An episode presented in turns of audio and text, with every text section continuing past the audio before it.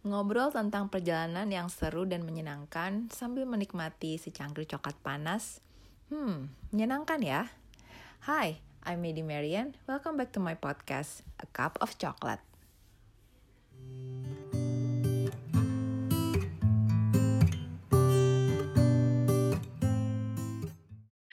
Hai teman-teman, welcome back to my podcast A Cup of Chocolate. Uh, kali ini kita mau jalan-jalan ke luar Indonesia, uh, tepatnya mengunjungi temanku di sana yang udah hampir setahun di London. Hey, selamat datang, Yeay. Felicia. Selamat datang. Felicia Halo. ya? Panggil. Sebenarnya nama gue tuh selalu Cynthia sih, Oh cuman iya, kemarin iya. aja jadi Iya. Felicia, tapi bebas lah mau panggil Feli, Felicia, Cynthia, terserah lah. Oke, mungkin boleh kenalan dulu, Cynthia. Wah, Uh, quick ya? introduction, lo ngapain di London, Cie? Ah, hello, nama gue Cynthia. Eh, temenan sama Mei, kemarin kita sempet sekantor ya, Mei. Iya. Terus kebetulan duduk belakang-belakangan. Yeay. Mei ini em, supplier makanan-makanan sehat. Setiap kali setiap kali lapar tinggal berbalik ke belakang nanti ada chips-chips dan makanan-makanan sehat. Terus ya udah setahun kemarin eh, pengen meneruskan dan mengejar keinginan untuk sekolah. Terus eh, long story short, akhirnya memilih London dan sekarang ada di London deh lagi sekolah Ya. gitu. Dan serunya lagi, buat gue serunya adalah, eh, eh, seru dan uniknya adalah lo di sana itu mengalami dua big period dengan masa yang dengan Hmm. kondisi saat ini. Mungkin your Hmm. first six months itu ya normal days ya, maksudnya ya the way London that we used to know lah gitu yang Hmm. yang ini terus memasuki second part of your first year lo mulai uh, apa mengalami yang semua ngalamin di seluruh dunia uh, mulai lockdown uh, karena si covid dan sebagainya gitu so uh, kita mau dengar ceritanya Cynthia nih gitu maybe the first part dulu nih waktu lo arrive to London terus uh, mungkin lo cari sekolah lo cari akomodasi kayak gitu-gitu then how you manage to apa ya uh, jadi orang London tuh gimana ceritanya Vel? Wah, jadi Londoners ya. Nggak tahu sih, it's always been wah Londoners gitu. Tapi kayaknya eh rasanya London tuh mungkin kayak jauh lebih multicultural daripada Jakarta kali ya. Jadi um, some people kayak bilang wah Londoners, Londoners gitu. Tapi kayak apa sih Londoners ya udah gitu biasa aja gitu kayak banyak-banyak orang di sini juga nggak you don't have to be born and raised uh, in London to be Londoners gitu kayaknya sih begitu ya orang-orang sih bilang begitu dan uh, kayaknya kalau jalan-jalan di sini pun juga banyak orang yang uh, justru nggak ngomong Inggris gitu maksudnya banyak sekali orang yang ngomong dengan bahasanya masing-masing gitu kayaknya uh, multicultural multicultural sekali aja gitu Terus tadi pertama sampai ke London gimana? Nggak tahu ya. Tadi aku sempat ngobrol juga sama Mei. Kayaknya cerita ini akan jadi cerita yang banyak eh, partnya itu adalah cerita bersyukur sebenarnya. Nggak tahu eh, banyak sekali eh, eh, kebaikan-kebaikan, ketemu orang baik. eh, kebetulan-kebetulan yang memudahkan, nggak tahu banyak banget gitu kayaknya. Jadi waktu pas pertama kali di London nyampe kebetulan eh, adalah si Eka teman satu kantor kita kemarin juga sempet kenalin sama temennya di sini yang kebetulan eh, emang udah stay di London. Terus em, entah gimana caranya pokoknya bisa pas banget terjadi. eh, jadi ada dua temen di sini yang pas banget begitu pas hari pertama aku sampai ke London itu mereka kebetulan lagi uh, mudik pulang ke Indonesia berdua-dua tuh.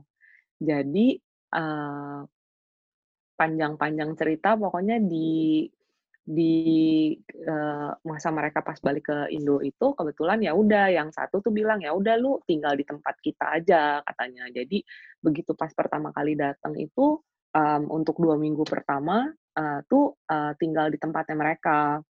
Karena kebetulan kamarnya kosong mereka lagi balik ke Indonesia kan nah terus udah gitu uh, ya udah gitu kalau dipikir-pikir uh, setelah menjalani dua minggu pertama itu wah bener-bener sih maksudnya itu bener-bener perasaan tuh pertama kali tuh kita ngerasa sebagai orang tuh kecil banget gitu uh, di negara sebesar ini, di kota sebesar ini baru datang uh, banyak hal sekali yang nggak ngerti dan sulit gitu kayaknya. Tapi uh, kalau dilihat secara uh, sekarang gitu ngelihat ke belakang kayaknya ya itu banyak sekali kebetulan-kebetulan dan banyak sekali uh, pertolongan-pertolongan yang datangnya entah dari mana tapi melancarkan jalannya aja gitu. Jadi dari tinggal di tempat mereka dibantuin semua um, uh, apa ya dibantuin dari tempat tinggal semua pertanyaan-pertanyaan dan yang paling susah banget itu pertama kali itu adalah bikin bank account. Aduh, aduh drama banget bikin bank account waktu pas pertama kali karena uh, sebagai foreigner misalnya di sini kan kita mesti kasih alasan kenapa kita uh, uh, butuh rekening bank gitu.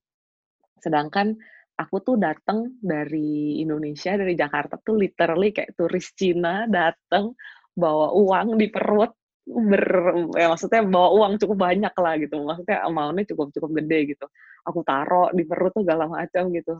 Terus uh, kebetulan waktu pas di Indo itu ditukerin sama pecahannya tuh pecahan cukup gede gitu. Nah ternyata datang ke sini itu hmm, orang-orang tuh uh, udah banyak sekali cashless. Jadi sering banget waktu pas minggu-minggu awal itu mm -mm, jadi uh, kebetulan aku tuh datang dari Indo dengan bawa uang yang agak ya menurut aku cukup gede lah uangnya uh, itu dengan pecahan tuh 50 pound gitu. Semuanya tuh pecahan-pecahan 50 pound dan sebenarnya kalau datang ke sini tuh jarang banget orang satu orang tuh jarang nyimpen cash. Kedua, cash mereka tuh paling kalau mereka nyimpen cash tuh kayak berapa puluh gitu. Jadi even uh, temen aku yang kebetulan adiknya uh, si temen yang ada di uh, London ini juga tuh sampai bilang, wah aku jarang nih ngelihat uh, orang pegang pecahan 50 gitu. Dan uang aku tuh 50-an semua. Jadi waktu itu mungkin hari pertama atau hari kedua begitu baru datang, terus aku makan di Nandos, ada sempat kejadian mereka itu nolak kita punya uang hmm. karena uh, aduh kita nggak punya kembali gitu terus udah gitu kayak uh, kalau lagi belanja ke supermarket gitu-gitu uang 50-an tuh kayak sampai di di di terawang-terawang gitu-gitu. Soalnya memang kebetulan adanya temenku itu juga sempat bilang, iya, kebanyakan ya mungkin orang-orang di sini yang banyak ya pegang-pegang cash gitu ya mungkin apakah drug dealer atau gimana gitu. Maksudnya dan dan sampai aku tuh sampai sedih banget waktu itu ya Tuhan gimana ini? Uh, uangnya pu punya uang aja uangnya nggak bisa dipakai gitu gimana? gitu dan ya gitu drama-drama bikin rekening bank apa segala macam. Karena uh, ya intinya kita mesti menunjukkan bahwa kita tuh di sini tuh datang sebagai uh, untuk kebutuhan apa gitu punya rekening bank apa segala macam. Dan ya cukup drama lah pokoknya lah sampai akhirnya bisa punya rekening bank dibantuin ya gitu. Terus kalau ngelihat setelah tahun sekarang uh, kayaknya perjalanan ke sini tuh banyak menemukan ya itu tadi satu bersyukur dan uh, sepertinya saat ketika kita lagi ngerantau jauh dari keluarga itu kita tuh bakal menemukan that friends uh, friends that turns into family gitu loh. Jadi sekarang tuh kalau di sini tuh sambil jauh-jauh kayak gini sama temen rasanya kayak keluarga gitu. Jadi kayak kayak nemuin keluarga baru aja gitu pada akhirnya gitu. Banyak teman Tapi, Indo atau teman lokal? Hmm, sampai sekarang aku masih banyak juga bergaul sama teman-teman Indo sih. Teman-teman di sini yang lokal itu banyak kan uh, aku kenal sih dari uh, karena sorry karena kebetulan aku join juga PPI kan uh, hmm. Persatuan Pelajar Indonesia PPI UK aku juga join terus uh, di situ jadi banyak ketemu uh, teman-teman Indo karena biar bagaimanapun tuh menyenangkan gitu ketemu sama teman-teman Indo tuh kayak kita uh, ngomong dengan bahasa yang sama, kita punya kebiasaan yang sama, kita nggak tahu ya, manusia kan kecenderungannya mencari sesuatu yang sama kan. Kita kan kalau berkumpul pasti mencari sesuatu yang sama gitu kan. Dan kayaknya berkumpul dan ngobrol sama teman-teman dari Indonesia itu hmm, beda gitu ya, punya kehangatan tersendiri gitu. Nah, aku kebetulan uh, ya paling kalau teman-temannya lokal ya karena dari teman-teman kampus sama kebetulan aku juga ambil sambil uh, kerja-kerja part time kan. Jadi uh, di tempat kerja yaitu baru kemudian ketemu teman-temannya yang uh, lokal. Tapi lokal pun juga nggak nggak actually like Britons gitu. Maksudnya lokal tuh juga banyak lah orang-orang uh, Eropa, Eropa Timur atau hmm uh, pokoknya London tuh kayaknya banyak banget lah pendatang. Jadi kalau dibilang orang lokal sini pun juga enggak enggak enggak mesti Britain gitu. gitu. Kalau ngomongin sekolah nih, what a day mm -hmm. it will look like sih di sana. Kalau waktu lo masih full time sekolah kemarin sebelum sambil-sambil kerja, mm. atau waktu sekolah awal udah sambil-sambil mm -hmm. kerja? Uh, awal kayaknya kalau nggak salah mungkin sekolah sekolah satu dua bulan gitu, kemudian terus sambil kerja sih. Satu bulan lah kayaknya paling satu bulan kosong, terus ya sambil mulai nyari-nyari kerja. Karena kalau di sini itu kemarin waktu pas aku sekolah, uh, satu minggu itu sekolah itu cuma tiga hari. Hmm. Tapi tiga hari itu agak full gitu, kayak dari kadang-kadang jam 10, jam 9, jam 10, sampai kayak jam 5, atau kadang-kadang jam 7 malam gitu agak full lah kadang-kadang bolong-bolong di tengah tapi agak full gitu kayak gitu. Tapi ya intinya cuma tiga hari gitu. Jadi uh, sebenarnya akan banyak sekali waktu yang maksudnya bisa dimanfaatkan untuk sambil-sambil kerja. Dan kalau part time kan di sini kan biasanya diperbantukan untuk kayak uh, kebetulan aku di di Londonnya itu di di Greenwich. Jadi Greenwich tuh daerahnya daerah tempat agak turis. Jadi kalau udah kayak bagian uh, weekend weekend gitu rame Nah, ini kebetulan aku kerja di restoran, jadi mereka uh, butuh bantuan mostly on weekends juga gitu. Jadi ya pas lah gitu sambil weekdays um, kerja kadang-kadang sambil ke eh, eh, eh, sekolah sambil kadang-kadang ke library segala macam. Nanti kalau udah libur-libur uh, Jumat, Sabtu, Minggu gitu kan biasanya dari kampus uh, uh, agak kosong juga tuh. Ya udah aku sambil ngambil uh, kerja di restoran gitu. Nah, lo kan pernah ngerasain kuliah di Indo, uh, di sini, mm -hmm. terus kuliah di sana, terus gimana Vel rasanya? Mm -hmm. Maksudnya uh, bedanya apa? And what do you what do you mm. like and what you don't like? Gitu. Mm. Ya mungkin ini perbedaannya uh, yang satu, yang pertama waktu pas sekolah S1 di Indo tuh mungkin lebih karena ya udah itu social path aja gitu. Habis SMA ya udah kita kuliah gitu kan. Jadi terpaksa terpaksa nggak terpaksa gitu juga maksudnya ya udah sekolah tuh memang jalannya memang harus sekolah gitu kita memang harus kuliah sedangkan um, ya aku udah punya pengalaman kerja kemarin cukup cukup lama terus kemudian sepertinya ambil master sekarang ini adalah life options gitu. Ini tuh bukan social path gitu. Maksudnya bahkan mungkin udah nggak umum gitu kan. Maksudnya orang sekolah lagi gitu uh, untuk usianya aku sekarang. Jadi kalau yang sekarang kayaknya menjalaninya pun juga lebih dengan tanggung jawab gitu kali ya. Tapi yang aku yang aku sangat rasain bedanya rasanya waktu pas dulu itu di Indonesia itu kayak kita itu belajar itu quote unquote dipaksa gitu untuk belajar gitu.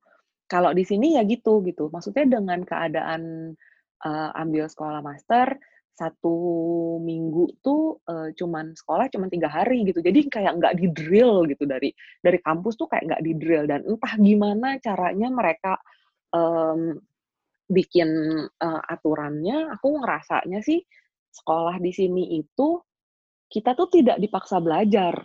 Tapi um, uh, metode dan kurikulumnya itu membuat kita mau nggak mau tuh harus baca mau nggak mau tuh harus ngerjain dan dan dengan ngerjain itu uh, contoh misalnya gitu ya uh, di sini kan banyaknya uh, semua semua itu kayak uh, lebih kayak essay presentation gitu assignment bikin bikin essay apa segala macam. Satu dengan bikin essay yang harus um, cari teori-teori lain dari um, penelitian-penelitian sebelumnya satu mau nggak mau memang jadi harus baca gitu jadi emang harus dipaksa baca gitu. Hmm. untuk ngerjain si esai itu ya memang harus baca terus kedua dengan um, presentasi-presentasi itu menurut aku um, ya public public speaking skills-nya itu juga lebih kebantu gitu.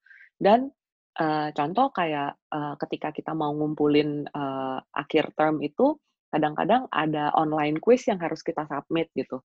Nah kenyataannya nih sebenarnya nih aku pun waktu pas lagi submit online quiz itu tuh bener-bener kita duduk berempat berlima sama teman-teman aku kampus. Terus udah gitu kayak berempat berlima ini tuh saling bahu membahu membantu. Oke okay nih uh, aku lagi uh, online nih ya lagi ngerjain ya. Empat orang ini tuh assist untuk membantu aku. Ya maksudnya ya that's cheating gitu sebenarnya gitu. Tapi maksudnya uh, bagaimanapun kita mau apa uh, kerjasama kerjasama kayak kayak gitu pada akhirnya aku jadi ngerasa bahwa dengan begitu pun kita tuh sebenarnya tetap belajar gitu. Bisa. jadi pada akhirnya tujuan akhirnya untuk buat buat kita tetap belajar tuh tetap tercapai gitu. Walaupun walaupun ya ya some people uh, kayak bener-bener ngelakuin itu sendiri misalnya. Tapi beberapa orang lainnya kayak kita kita gitu kayak ya udah kita berkumpul terus kayak aku ngerjain empat orang lainnya ngebantuin. Nanti pas itu gantian yang satunya lagi ngerjain kita empat ngebantuin lagi gitu. Terus aja kayak gitu, gitu. tapi pada akhirnya menurut aku tujuan akhir untuk um, bikin kita belajar itu tetap dapet gitu. Dan itu tuh entah gimana rasanya itu tidak dipaksakan gitu sama kita. Pada akhirnya aku ngerasa aku tuh melakukan itu pokoknya dengan ngejalanin uh, partnya ya udah kita pada akhirnya uh, tetap mempelajari itu anyway gitu. Rasanya gitu kali ya bedanya. Ah, tapi seru ya. Terdengar seru sih buat gue. Gak tahu sih. Tapi ada ada, ada sedikit yang seru sih, seru sekali sih. Uh, terlepas karena lo di London, tapi ada part yang mm. mirip sih sama S2 di sini ada, tapi mungkin uh, di, mm. di sana uh, independence-nya itu kayak lebih tinggi sih untuk lo kayak tadi yang uh, digging uh, for the papers itu kayak mungkin lebih tinggi di situ. Ya mungkin ya, tapi mungkin juga karena kan sebenarnya kan kayak ya gitu tadi aku juga nggak bisa terlalu ngebedain ngebandingin waktu S1 sama S2 karena S1 tuh ya udah aku sih merasa nggak keinginan. Maksudnya ya kalau ada boleh pilihan tapi kan sepertinya tidak ada pilihan gitu. Kita habis SMA ya udah kuliah gitu. Tapi kalau sekarang kayaknya ini tuh lebih uh, option gitu kan. Uh, mau ambil S2 bisa aja nggak ambil, tapi uh, pilih untuk ambil anyway gitu. Jadi kayaknya menjalaninya pun juga lebih bertanggung jawab dan secara usia juga udah lebih dewasa gitulah harusnya masa sih umur segini masih mau main-main aja juga gitu. Ya, beda sih emang sesuatu yang kita putusin sendiri yang emang kita mau tuh emang ngejalaninnya beda ya. Bener, bener banget. Iya, dan maksudnya, uh, jauh dari rumah kayak ya aku tuh selalu jauh dari rumah sih, maksudnya kayak di rumah di Bandung dan aku selalu kerja di Jakarta, tapi sejauh ini dari rumah tuh kayaknya benar-benar out of your comfort zone dan banyak sekali lah pembelajaran dan pendewasaannya tuh banyak sekali gitu. Jadi uh, jauh Jakarta Bandung sama London London Bandung uh, beneran ngaruh banget ya? Ngaruh banget karena kalau waktu kalau di Jakarta kemarin tuh kebetulan banyak lah teman-teman dari Bandung yang memang kita uh, lulus bareng terus kerja kurang lebih bareng di Jakarta. Jadi ada selalu teman-teman tuh yang yang lagian itu itu kotanya kita gitu kan akan yeah. selalu aku tuh akan selalu punya teman-teman yang aku sakit jam 2 malam, aku telepon, mereka datang jemput, bantuin anterin ke rumah sakit gitu. Atau kebetulan kakak aku juga nggak terlalu jauh di Alam Sutra gitu. Anytime butuh butuh kenapa-napa, tinggal ke Alam Sutra setengah jam sampai gitu. Hmm. Atau even pun kenapa-napa banget, dua jam dari Bandung juga nyampe gitu kan. Jadi kayaknya itu tuh ya agak lebih mudah lah, banyak sekali kemudahan. Sedangkan kalau di sini tuh kayak ya udah harus bisa sendiri gitu. Ya, tapi good to hear uh, at least you are surrounded by good people, banyak teman, teman Indo apalagi gitu. So ya, yeah, it's it's good to hear that you are well taken care. Iya, iya. Iya, iya sih, bener sih.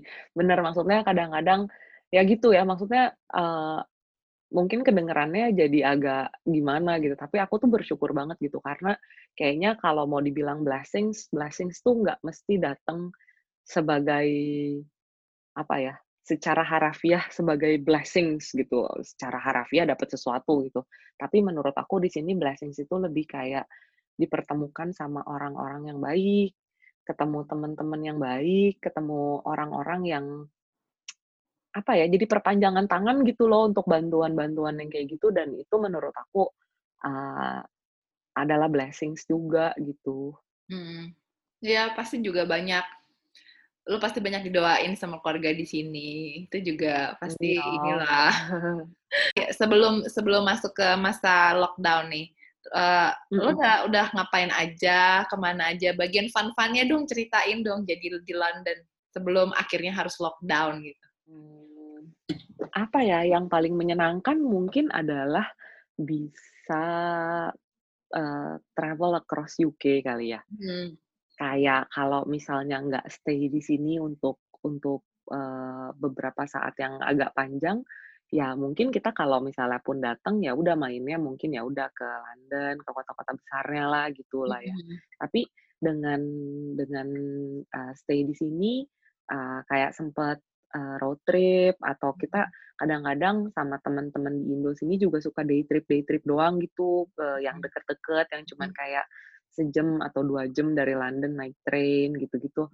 Itu tuh menurut aku um, menyenangkan sekali gitu karena kayak kayak apa ya contohnya kayak misalnya mungkin ya mungkin ya kayak di Indonesia kan um, apa ya pemerataan perekonomian belum merata gitu ya. Jadi kayak misalnya nih kita stay di Jakarta terus kita ke Bogor terus kita ke Cikarang, terus kita mungkin ke Bekasi, itu tuh sangat berbeda jauh gitu keadaannya gitu kan. Atau ke Bandung misalnya itu tuh berbeda jauh sekali gitu. Yang satu um, mungkin uh, transportasi nggak nggak bagus atau atau gimana ya mungkin keadaannya uh, lebih tidak misal misalnya kayak contohnya beberapa kota tidak semaju beberapa kota lainnya gitu atau misalnya kayak Bandung gitu yang memang udah banyak turis atau segala macam kan berbeda-beda gitu rasanya tuh perbedaannya tuh jauh sekali gitu.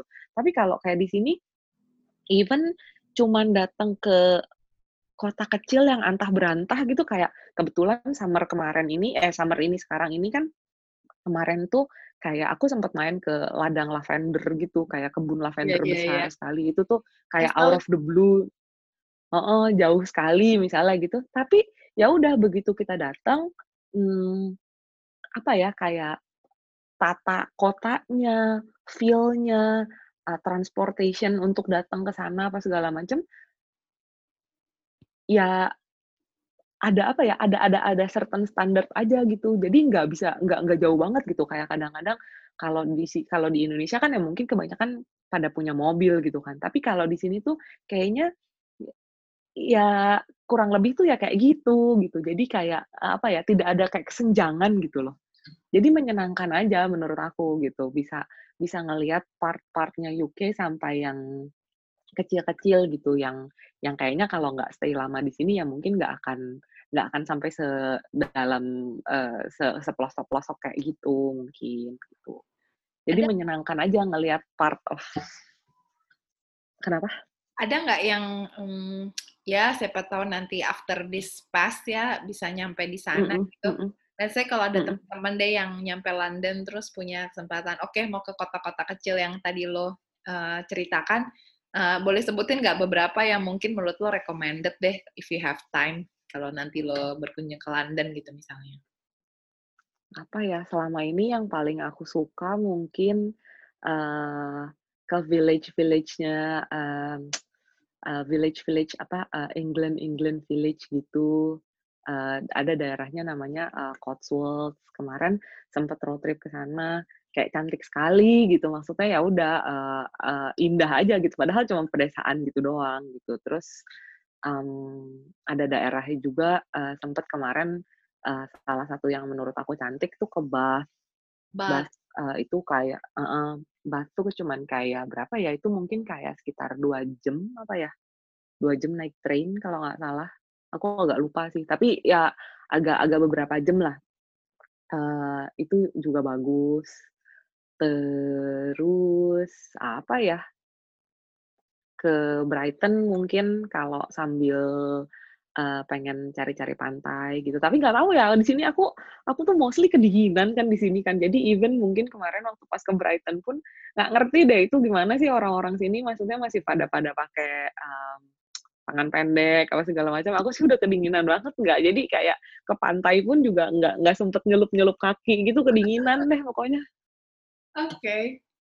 Most of the times kedinginan. Kalau bilang road trip tuh lo sewa mobil, Vel? Ya kemarin sempat. Nah ya itu sebenarnya kalau di sini uh, sering-sering kalau kayak day trip day trip doang gitu uh, naik train biasanya. Tapi waktu pas akhir tahun kemarin, uh, pas lah kayak mungkin Novemberan kalau nggak salah November-November akhir Desember, uh, kebetulan ada temen juga ke sini, terus kita sewa mobil. Nah kalau sewa mobil jadinya lebih fleksibel aja kayak uh, random-random di tengah jalan bagus bisa turun hmm. gitu. Kalau kalau naik train kan ya udah um, dari sini ke sana terus udah uh, sampai sana gitu.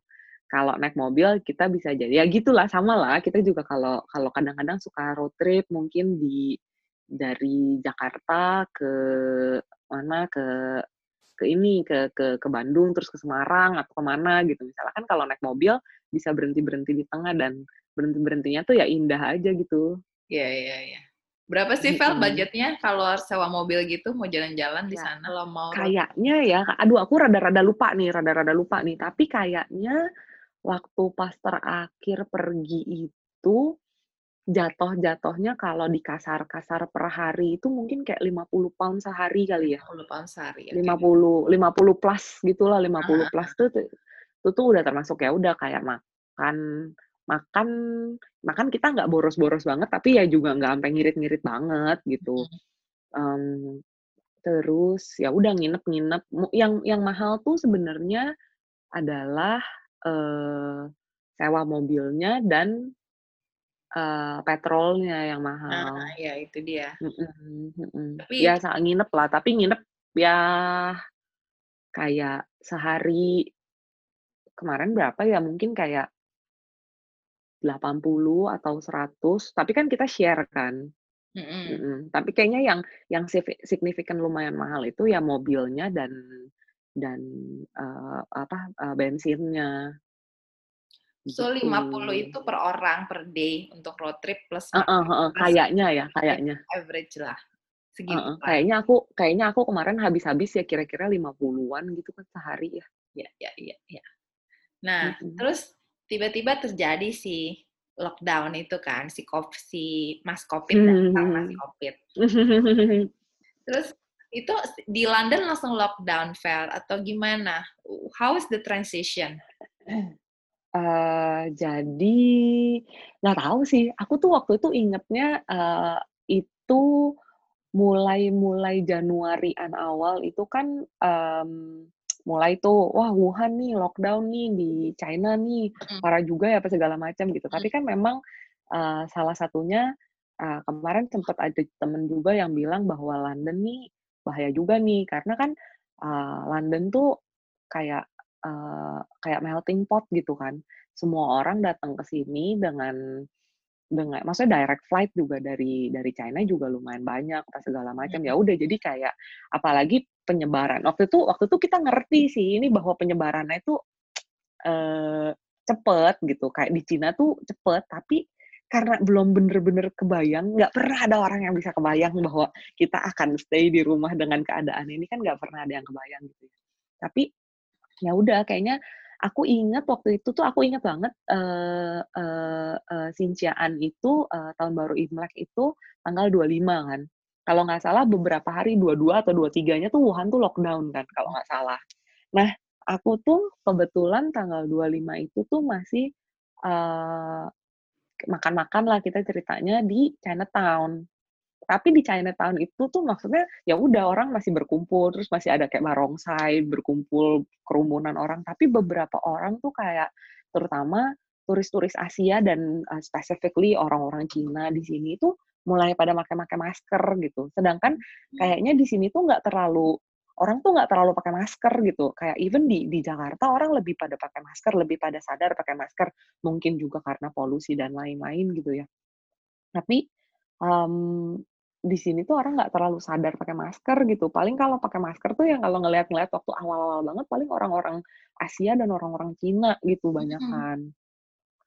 Gitu. Terus uh, setelah uh, ya udah makan di Chinatown, terus ya udah biasa aja kita jalan-jalan masih seperti biasa sampai terus kemudian kok lama-lama nih UK uh, case-nya pertama ada di kalau nggak salah pertama kali ketemu tuh di di utara. Aku lupa deh apakah di um, apakah di uh, Inggris Utara atau atau di Scotland pokoknya. Jadi kayak oh ya udah deh masih jauh gitu. Terus kemudian nggak berapa lama wah ketemu nih case-nya di London nih udah gitu udah, udah kayak gitu kan mulai cepet kan uh, penyebarannya udah mulai cepet udah gitu um, sampai di kampus uh, waktu itu mulai jadi di kampus tuh waktu itu aku ingat lagi lagi zaman zamannya kita mulai untuk uh, waktunya presentasi jadi udah di udah di udah di schedulein nih minggu ini siapa minggu depan siapa minggu depan siapa minggu depan siapa? Sampai terus kemudian salah satu tutor bilang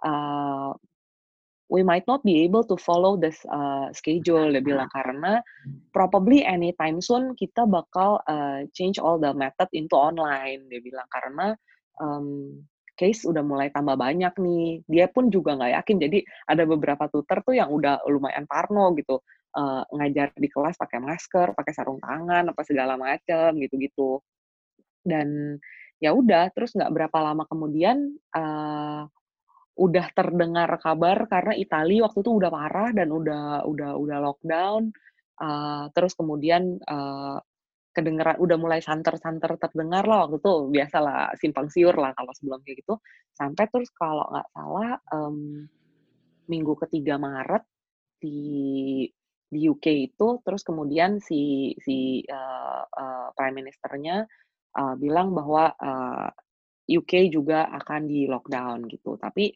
um, kayaknya waktu itu tuh pikirannya tuh kalau lockdown tuh pikirannya tuh langsung mengacu sama Wuhan dan sama Italia gitu yang benar-benar tutup kota di ditutup sama sekali di di isolate nggak boleh keluar nggak boleh masuk segala macam tapi harusnya waktu pas di UK itu nggak kayak gitu jadi kayak masih ada beberapa kegiatan uh, yang uh, diizinkan untuk kita boleh keluar rumah gitu. Gitu sih cerita-ceritanya ya lucu lah waktu pas awal-awal simpang siur aja gitu. Terus jadi lu uh, ngapain tuh pas mulai si lockdown itu? Beneran di rumah, terus online sekolahnya, terus lo sama sekali nggak kerja atau gimana? Terus lo keluar ngapain mm -mm. aja? Ngapain? Jadi kalau nggak salah tuh minggu ketiga bulan Maret itu uh, uh, pemerintah uh, mengumumkan bahwa oke okay, UK lockdown ya gitu. Kalau nggak salah tanggal 20-an sekian gitu.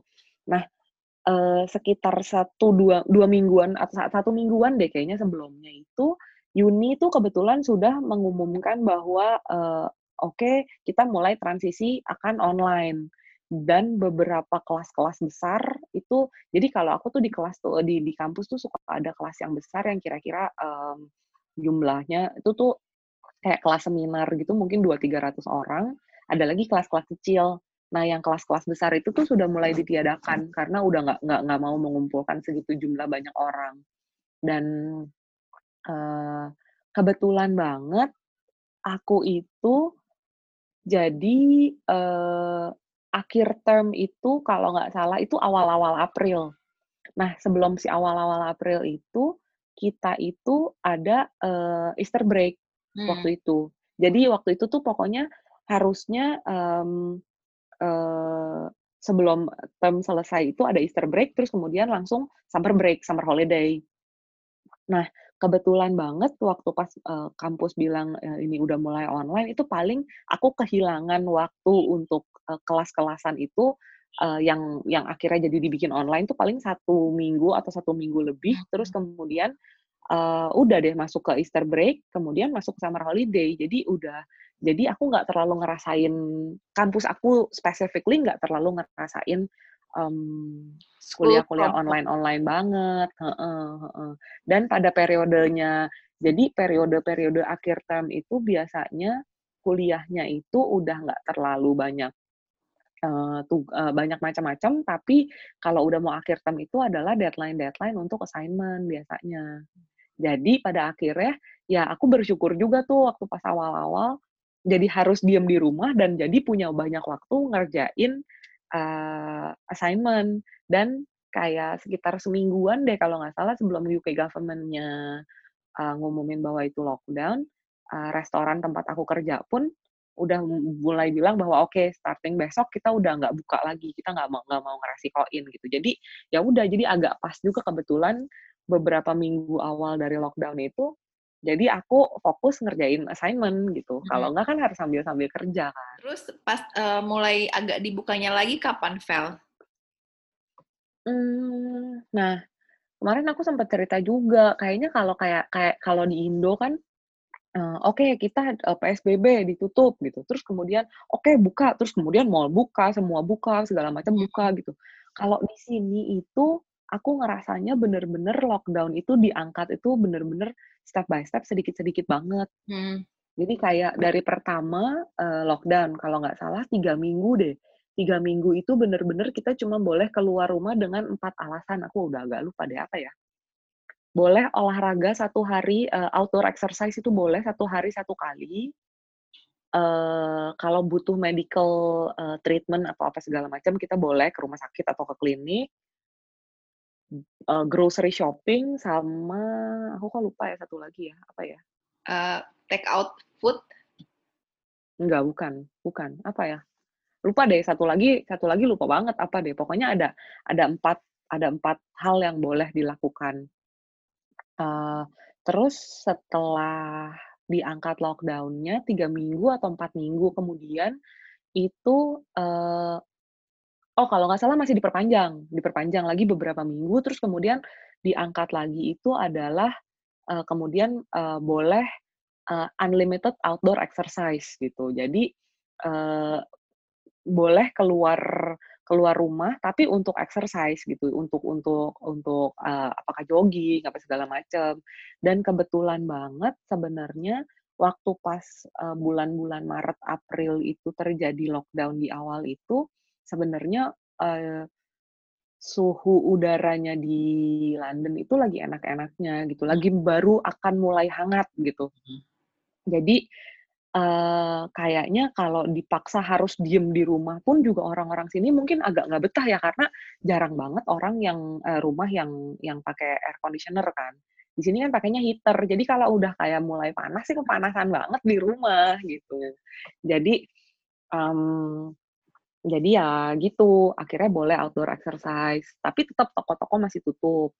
Setelah outdoor exercise boleh, terus kemudian uh, apa ya? Aku lupa deh kalau nggak salah um, outdoor exercise boleh, tapi tetap harus social distancing sampai enam orang di taman. Karena karena di sini kan hiburannya gitu ya jemuran di taman yeah. gitu. Jadi boleh jemuran di taman sampai enam orang, tapi tetap harus maintain social distancing gitu.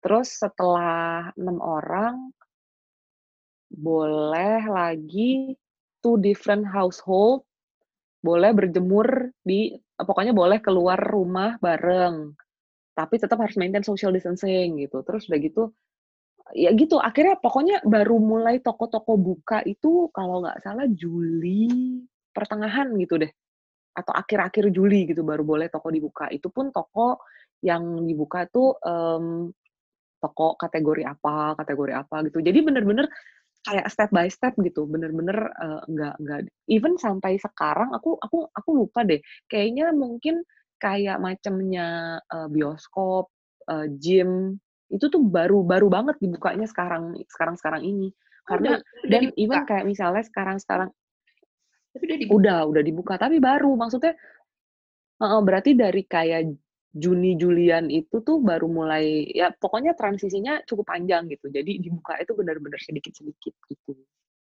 Terus kan lo kerja di restoran. Terus how is the protocol? Um, protokol di restoran sekarang jadi agak lebih ketat sih lebih ketat. Nah itu contohnya kebetulan aku kan kerjanya di di di Vietnamese restaurant gitu ya. Jadi kayak ya anggaplah kayak uh, Chinese restaurant gitulah. Kita kan kalau di Chinese restaurant kayak di Indonesia kan uh, cutleries ditaruh di meja gitu kan. Udah gitu ya udah kita kalau makan ambil-ambil aja sendok udah disediain di meja gitu. Nah, jadi mungkin protokol-protokol yang berubah itu adalah cutleries itu sekarang harus dibawa satu untuk satu orang tersebut pakai jadi nggak boleh diem diem ditaruh uh. di meja karena kan itu uh, kemungkinan nggak tahu kepegang siapa, kena apa segala macam. Dan aku tuh selalu mengumpamakan restoran tempat aku kerja nih kayak kayak semacam hokben gitu kalau di kalau di Indonesia gitu. Kayak hokben kan pasti ada kitchennya di atas atau di belakang yang bikin dan ada mbak-mbaknya yang yang uh, Uh, plating, nah, yang plating kan. Jadi kayak misalnya chicken katsu, kamu harus tahu chicken katsu itu temennya apa, pinggirannya pakai salad, pakai ini, pakai itu, pakai mayones, pakai ini, pakai itu gitu.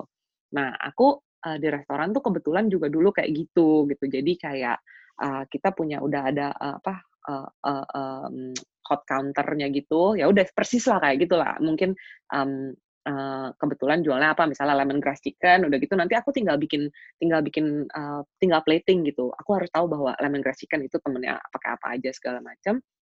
Tadinya kita yang bikin tuh di bawah eh, di di restoran tapi setelah covid ini semua jadi semua hal yang berkaitan tentang megang dan menyentuh makanan semua dilakukannya sama kitchen. Jadi kita di bagian bawah tuh uh, cuman uh, sitting uh, nyuruh-nyuruhin orang duduk terus kasir pegang-pegang uh, apa uh, pegang kasir sama uh, uh, serve makanan sama bikin bubble tea karena kebetulan ada jual bubble tea juga.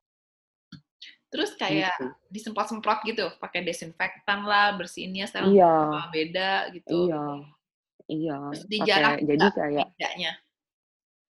Kalau meja sih nggak dijarakin tapi kita jadi uh, kemarin tuh sempat dikurangin gitu kayak tiga meja untuk untuk sampai untuk agak lebih lowong karena kalau dulu-dulu ya udah kita bikin agak padet gitu kan.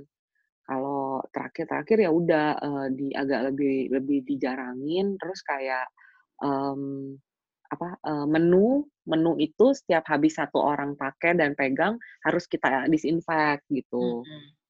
Uh, terus ya gitu sih paling kalau malam-malam mau tutup restoran, mau tutup tokonya, sekarang jadi kayak harus dipel pakai detol gitu-gitu. Hmm. Terus lo Terus ya udah uh, lo pakai masker selama di restoran? Nah, mengenai masalah masker kayaknya kembali lagi kalau di sini tuh orang-orang nggak terlalu nggak terlalu se mementingkan itu dengan masker sih sebenarnya. Jadi uh, dan menurut aku kayaknya masker itu sebenarnya akan sangat uh, berjalan kalau pemerintah sangat mewajibkan untuk itu kan ini kan penularan droplet kan. Jadi kalau semua uh, mulut orang ditutup itu akan bekerja, tapi kalau nggak semua ditutup jadi percuma juga sebenarnya gitu. Jadi aku tuh kadang-kadang uh, jujur aja kalau di sini nih mostly nggak terlalu pakai sih. Cuman kalau kayak udah lagi weekend atau kalau lagi restoran lagi penuh banget, parno gitu. Maksudnya parno aja. Jadi aku eh pakai masker deh gitu. Hmm. Sempat ngalamin gak yang tahu. di sini nggak yang maskernya harga jadi mahal, susah dicari di sana? Iya, sama, sama. Di sini juga begitu. Tapi kayaknya kalau di Indo tuh mahalnya memang mahal tidak masuk akal ya kayaknya misalnya dari seratus ribu terus kemudian jadi berapa lima ratus ribu gitu-gitu ya kayaknya. Kalau di sini kayaknya kalau nggak salah memang satu box emang udah agak mahal sih gitu. Tapi memang uh, nggak sampai jadi mahal, eh, maksudnya nggak sampai nggak sampai gimana-gimana banget, cuman kayak di mana-mana habis saja gitu. Hmm. Semua stok habis saja gitu. Terus sekarang kalau pakai masker, masker yang medis apa yang kain di sana? Pakai yang kain. Kemarin ini kebetulan sempat ada yang balik ke sini, terus aku minta dibawain sama mama. Ya, tau gitu, gue juga buat lo apa gitu. Iya ya, iya, tapi udah punya banyak, Mei, sekarang, Mei. Nggak titipin yang Ya lain udah. ya? Iya ya iya ya. Iya. Duh, inget deh waktu itu dibawain abon. Iya, berkabar kalau ada yang ke sini mau nyampein buat lo, nanti gue titipin, gue anterin deh. Iya. Aduh, terima kasih ya. Nah, terus sekarang, eee, jadi sekarang gimana nih kalau sekarang banget nih, sekarang banget di san di London tuh kayak gimana? Normal activity, eee, kayak tadi kan lo you just went to library kan, for example gitu. Mhm Itu mhm gimana? Eee, udah, eee, mungkin nggak kayak dulu ya, tapi udah lebih orang santai-santai aja gitu atau gimana? Mhm mhm. Jadi, eee, ya gitu, satu, kayaknya memang secara, eee, pemerintah di sini, mmm, sangat, apa ya, sangat sangat hati-hati gitu ngangkat lockdown-nya. Terus kemudian oh, aku satu lagi aku lupa cerita. Jadi karena e ini ini aku sempet cerita bahkan kemarin sama mamaku bahwa, eee, kadang-kadang itu, eee, kita tinggal di Indonesia, contoh gitu ya, misalnya, wah pekerjaan kita terganggu nih, kita jadi nggak bisa nggak bisa punya pekerjaan nih gara-gara Covid gitu. Mungkin apakah di-PHK, apakah, eee eee, tempat kita bekerja nggak nggak nggak bisa nggak bisa, apa, nggak bisa, eee, membuka usahanya seperti biasa sehingga pendapatan kita terganggu. Kadang-kadang di Indonesia tuh kita merasa bahwa hal itu tuh, ya udah masalah kita aja gitu, bahwa kita merasa Covid ini ya udah, pekerjaan terganggu gitu.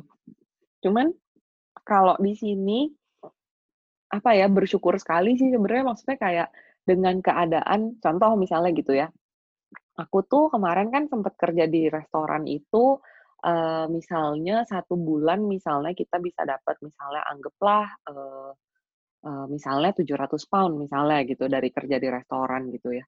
Dengan restorannya tutup kan jadi nggak puji nggak bisa punya penghasilan gitu.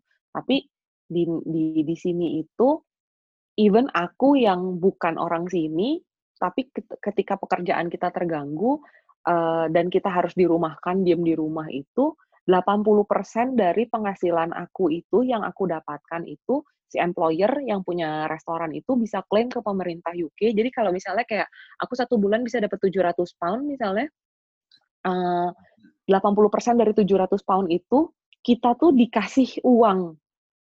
Dikasih di di di di dikasih subsidi, dibantu sama pemerintah UK walaupun kita tidak bekerja itu. Sampai waktu itu, eee, owner restoran aku tuh bilang bahwa kayak, "Wah, it's like a dream come true," dia bilang, "It's like a miracle, eee, you guys don't work and you you actually, eee, dapat uang," gitu, di di di dikasih uang sama pemerintah gitu. Tapi mungkin itu yang membantu untuk, eee, sehingga orang-orang yang pekerjaannya terganggu tetap punya, eee, daya beli dan tetap bisa, eee, perekonomian tetap berjalan gitu kan. Tetap Mmm. bisa grocery shopping, tetap bisa online shopping dan lain-lain sehingga perekonomian tidak sepenuhnya mati gitu. Jadi aku tuh merasa bahwa di sini tuh sebenarnya hal-hal yang seperti ini tuh sebenarnya mungkin adalah urusannya pemerintah gitu untuk mikirin gitu sebenarnya gitu ya, kalau di negara di negara seperti ini. Kalau di Indonesia seakan-akan ya udah pekerjaan kita terganggu, ya udah urusan lu lah gitu, pekerjaan lu terganggu, seakan-akan gitu. Tapi kalau di sini tuh seakan-akan tuh kayak iya, pemerintah tuh memikirkan gitu, gimana caranya supaya kayak perekonomian tetap bisa berjalan gitu. Nah, terus kembali lagi ke pertanyaannya tadi, sekarang keadaannya gimana, jadi kalau, eee, itu tadi namanya furlough. Jadi furlough itu aku sempet ngerasain itu sekitar bulan Maret, April, Mei Juni, dan Juli udah udah mulai bisa kerja lagi kan, restoran udah mulai boleh buka apa segala macam, eee, keadaan sudah berangsur-angsur kembali membaik, mem kembali normal, walaupun, eee, orang masih belum keluar kalau nggak perlu-perlu amat. Dan, eee, kemarin, eee, selama bulan Agustus itu, eee, UK government itu, eee, mereka kasih, eee, skema, eee, bantuan lagi dengan latar belakang bahwa salah satu bisnis yang paling terpengaruh dari, eee, efeknya lockdown dan pandemi kemarin ini adalah bisnis restoran, bisnis makanan. Jadi, eee, employer, eee, apa, yang punya punya restoran itu semua boleh mendaftarkan untuk si UK government itu mengeluarkan skema Eat Out to Help Out. Mmm. Jadi lucu banget, setiap hari Senin sampai hari Rabu, Senin, Selasa, Rabu selama bulan Agustus itu makan keluar ke restoran yang berpartisipasi di mana yang berpartisipasi itu kayak hampir semuanya banyak banget yang berpartisipasi kayak misal aku bisa bilang uh, semua chain-chain restoran gede itu juga berpartisipasi even toko-toko kecil yang cuma take away take away uh, only itu juga banyak berpartisipasi itu diskon 50% maksimal satu orang uh, 10 pound. Jadi kalau kayak misalnya kita makan bertiga gitu di restoran, uh, misalnya uh, bayarnya uh, total 50 pound untuk bertiga gitu. Ya udah dipotong 50 persen. Uh, 25 pound nih dipotong, kita cuma bayar 25 pound. Atau kalau misalnya kita bayarnya misalnya bertiga, kita bayar 70 pound misalnya. Satu orang mentoknya dikasih 10 pound. Jadi jadi senang banget teman-teman aku pun di sini juga kayak uh, pas bulan uh, Agustus kemarin selama Agustus kemarin tuh setiap Senin Selasa Rabu tuh nyoba-nyobain restoran-restoran mahal gitu-gitu karena even restoran-restoran dengan yang Michelin star gitu-gitu restoran-restorannya Gordon Ramsay lah segala macam mereka participate gitu jadi kan lumayan kan yang biasanya makan hmm, makan apalah makan lobster misalnya gitu biasanya bayarnya 30 plus ya lumayan jadi bayar cuma 20 gitu Wah, nice. Gitu, Terus, tapi restoran, restoran jadi rame dan nggak apa-apa, Vel? Rame. Restoran jadi ya sebetulnya nggak tahu sih ini sih yeah, selalu yeah, dua belah pihak kan, selalu dua mata pedang kan, uh, uh, kesehatan dan perekonomian. Hmm. Di mana ya pengen bikin bisnis kembali bergejolak, ya jadi penuh memang restoran gitu. Tapi kan kemudian perekonomian berjalan. Karena aku nggak ngerti ya Mei ya, tapi kalau uh, kemarin aku juga sempat ngobrol sama temen, kita sempat berpikir bahwa kesehatan tuh sangat penting memang. Uh, uh, banyak gitu kan orang yang sudah sangat terbukti meninggal lah, apa segala macam komplikasi gara-gara COVID. Uh. Tapi tidak bisa dipungkiri bahwa orang lapar ini adalah orang yang juga lebih maksudnya lapar itu lebih berbahaya daripada sakit gitu. Kalau orang lapar itu kecenderungannya jadi jadi kriminal dan ya, jadi jadi panjang gitu urusannya gitu kan. Jadi sebenarnya kayaknya perekonomian ini juga tetap mesti berjalan dan itu mungkin yang dipilih dan dilakukan sama uh, pemerintah uh, eh, UK di sini untuk uh, apa ya mengencourage orang untuk dengan adanya diskon 50% itu sedikit demi sedikit seakan-akan dibilang untuk jangan takut keluar gitu kan. Hmm. Ayo, uh, ya itu it out to help out gitu karena salah satu bisnis yang paling terdampak kan adalah bisnis restoran kan. Jadi kayak ayo jangan takut deh keluar gitu. Karena setelah berbulan-bulan kita stay di rumah, kadang-kadang aku pun sekarang jadi kalau waktu awal-awal mau mulai keluar agak-agak takut gitu kan kalau nggak perlu tadi kita sempat cerita ya kalau nggak perlu perlu banget nggak keluar kalau mau datang ke mall pun datang ke mall beli barang kemudian pulang lagi gitu udah nggak jalan-jalan. Itu kan secara psikologis kan jadi melekat kan setelah kita berbulan-bulan diem di rumah dan bersih-bersih segala-gala macam semua dibersihin gitu kan dan kayaknya mungkin memang mesti di apa ya mesti di di dibantu lah sama sama pemerintah untuk ayo mulai keluar lagi, ayo mulai berbelanja, ayo mulai beraktivitas gitu. Supaya pada akhirnya perekonomian tetap bisa uh, kembali berjalan gitu. Tapi euforianya di sana kayak masih termanage ya. Kalau di sini tuh digituin kayak orang langsung kayak buar gitu, kayak orang langsung kayak di sana lebih ter, lebih termanage kali ya orang nggak terlalu ini. Ya, di sini di sini aku merasa orang-orang sama-sama juga ignoran-ignoran juga sih. Cuman karena mungkin juga uh, eh, UK itu waktu pas awal-awal disorot karena kita kalau nggak salah lima terbesar di dunia kan waktu waktu pas awal-awal gitu. Kayaknya Indo tuh second wave uh, apa bukan second wave apa terlambat gitu. Uh, uh, mulainya tuh terlambat gitu kan. Jadi ya sekarang mungkin lagi parah-parahnya juga gitu. Nah kalau dibilangin seperti itu sih um, aku bilang di sini juga sama-sama juga ya ignorant mereka juga nggak terlalu nggak terlalu apa ya tentang pakai masker apa segala macem gitu santai-santai juga sih di sini-sini juga kayaknya sama-sama juga. I see. Wah, mm -hmm. ya udah Vel, yang penting lo sekarang sehat, terus yeah. Iya. uh, kerjaan tetap ada, terus uh, tadi apa disertasi sih? Disertasi, aduh pasien cepat cepat cepat selesai terus ya iya. Ya, hanging there. Terima Pokoknya, kasih, terima kasih. Uh, we could all go through this lah, di mana pun kita berada. Iyalah, pastilah, pasti, pasti, pasti. Harus bisa lah. Iya. Thank you for sharing ya, Vel. Mm-mm, sama-sama. Senang ya. sekali bisa sharing di sini. Ya, ini pasti teman-teman juga uh, apa namanya senang dengar kabar Feli di sana. Terus ya, uh, tadi banyak banget sih cerita-cerita yang kalau nggak lewat lo, gue nggak tahu sih cerita itu. So ya, yeah, thank you for sharing. Ya, see ya, you. Terima kasih. See you. Terima kasih ya, Mei, waktunya. Ya.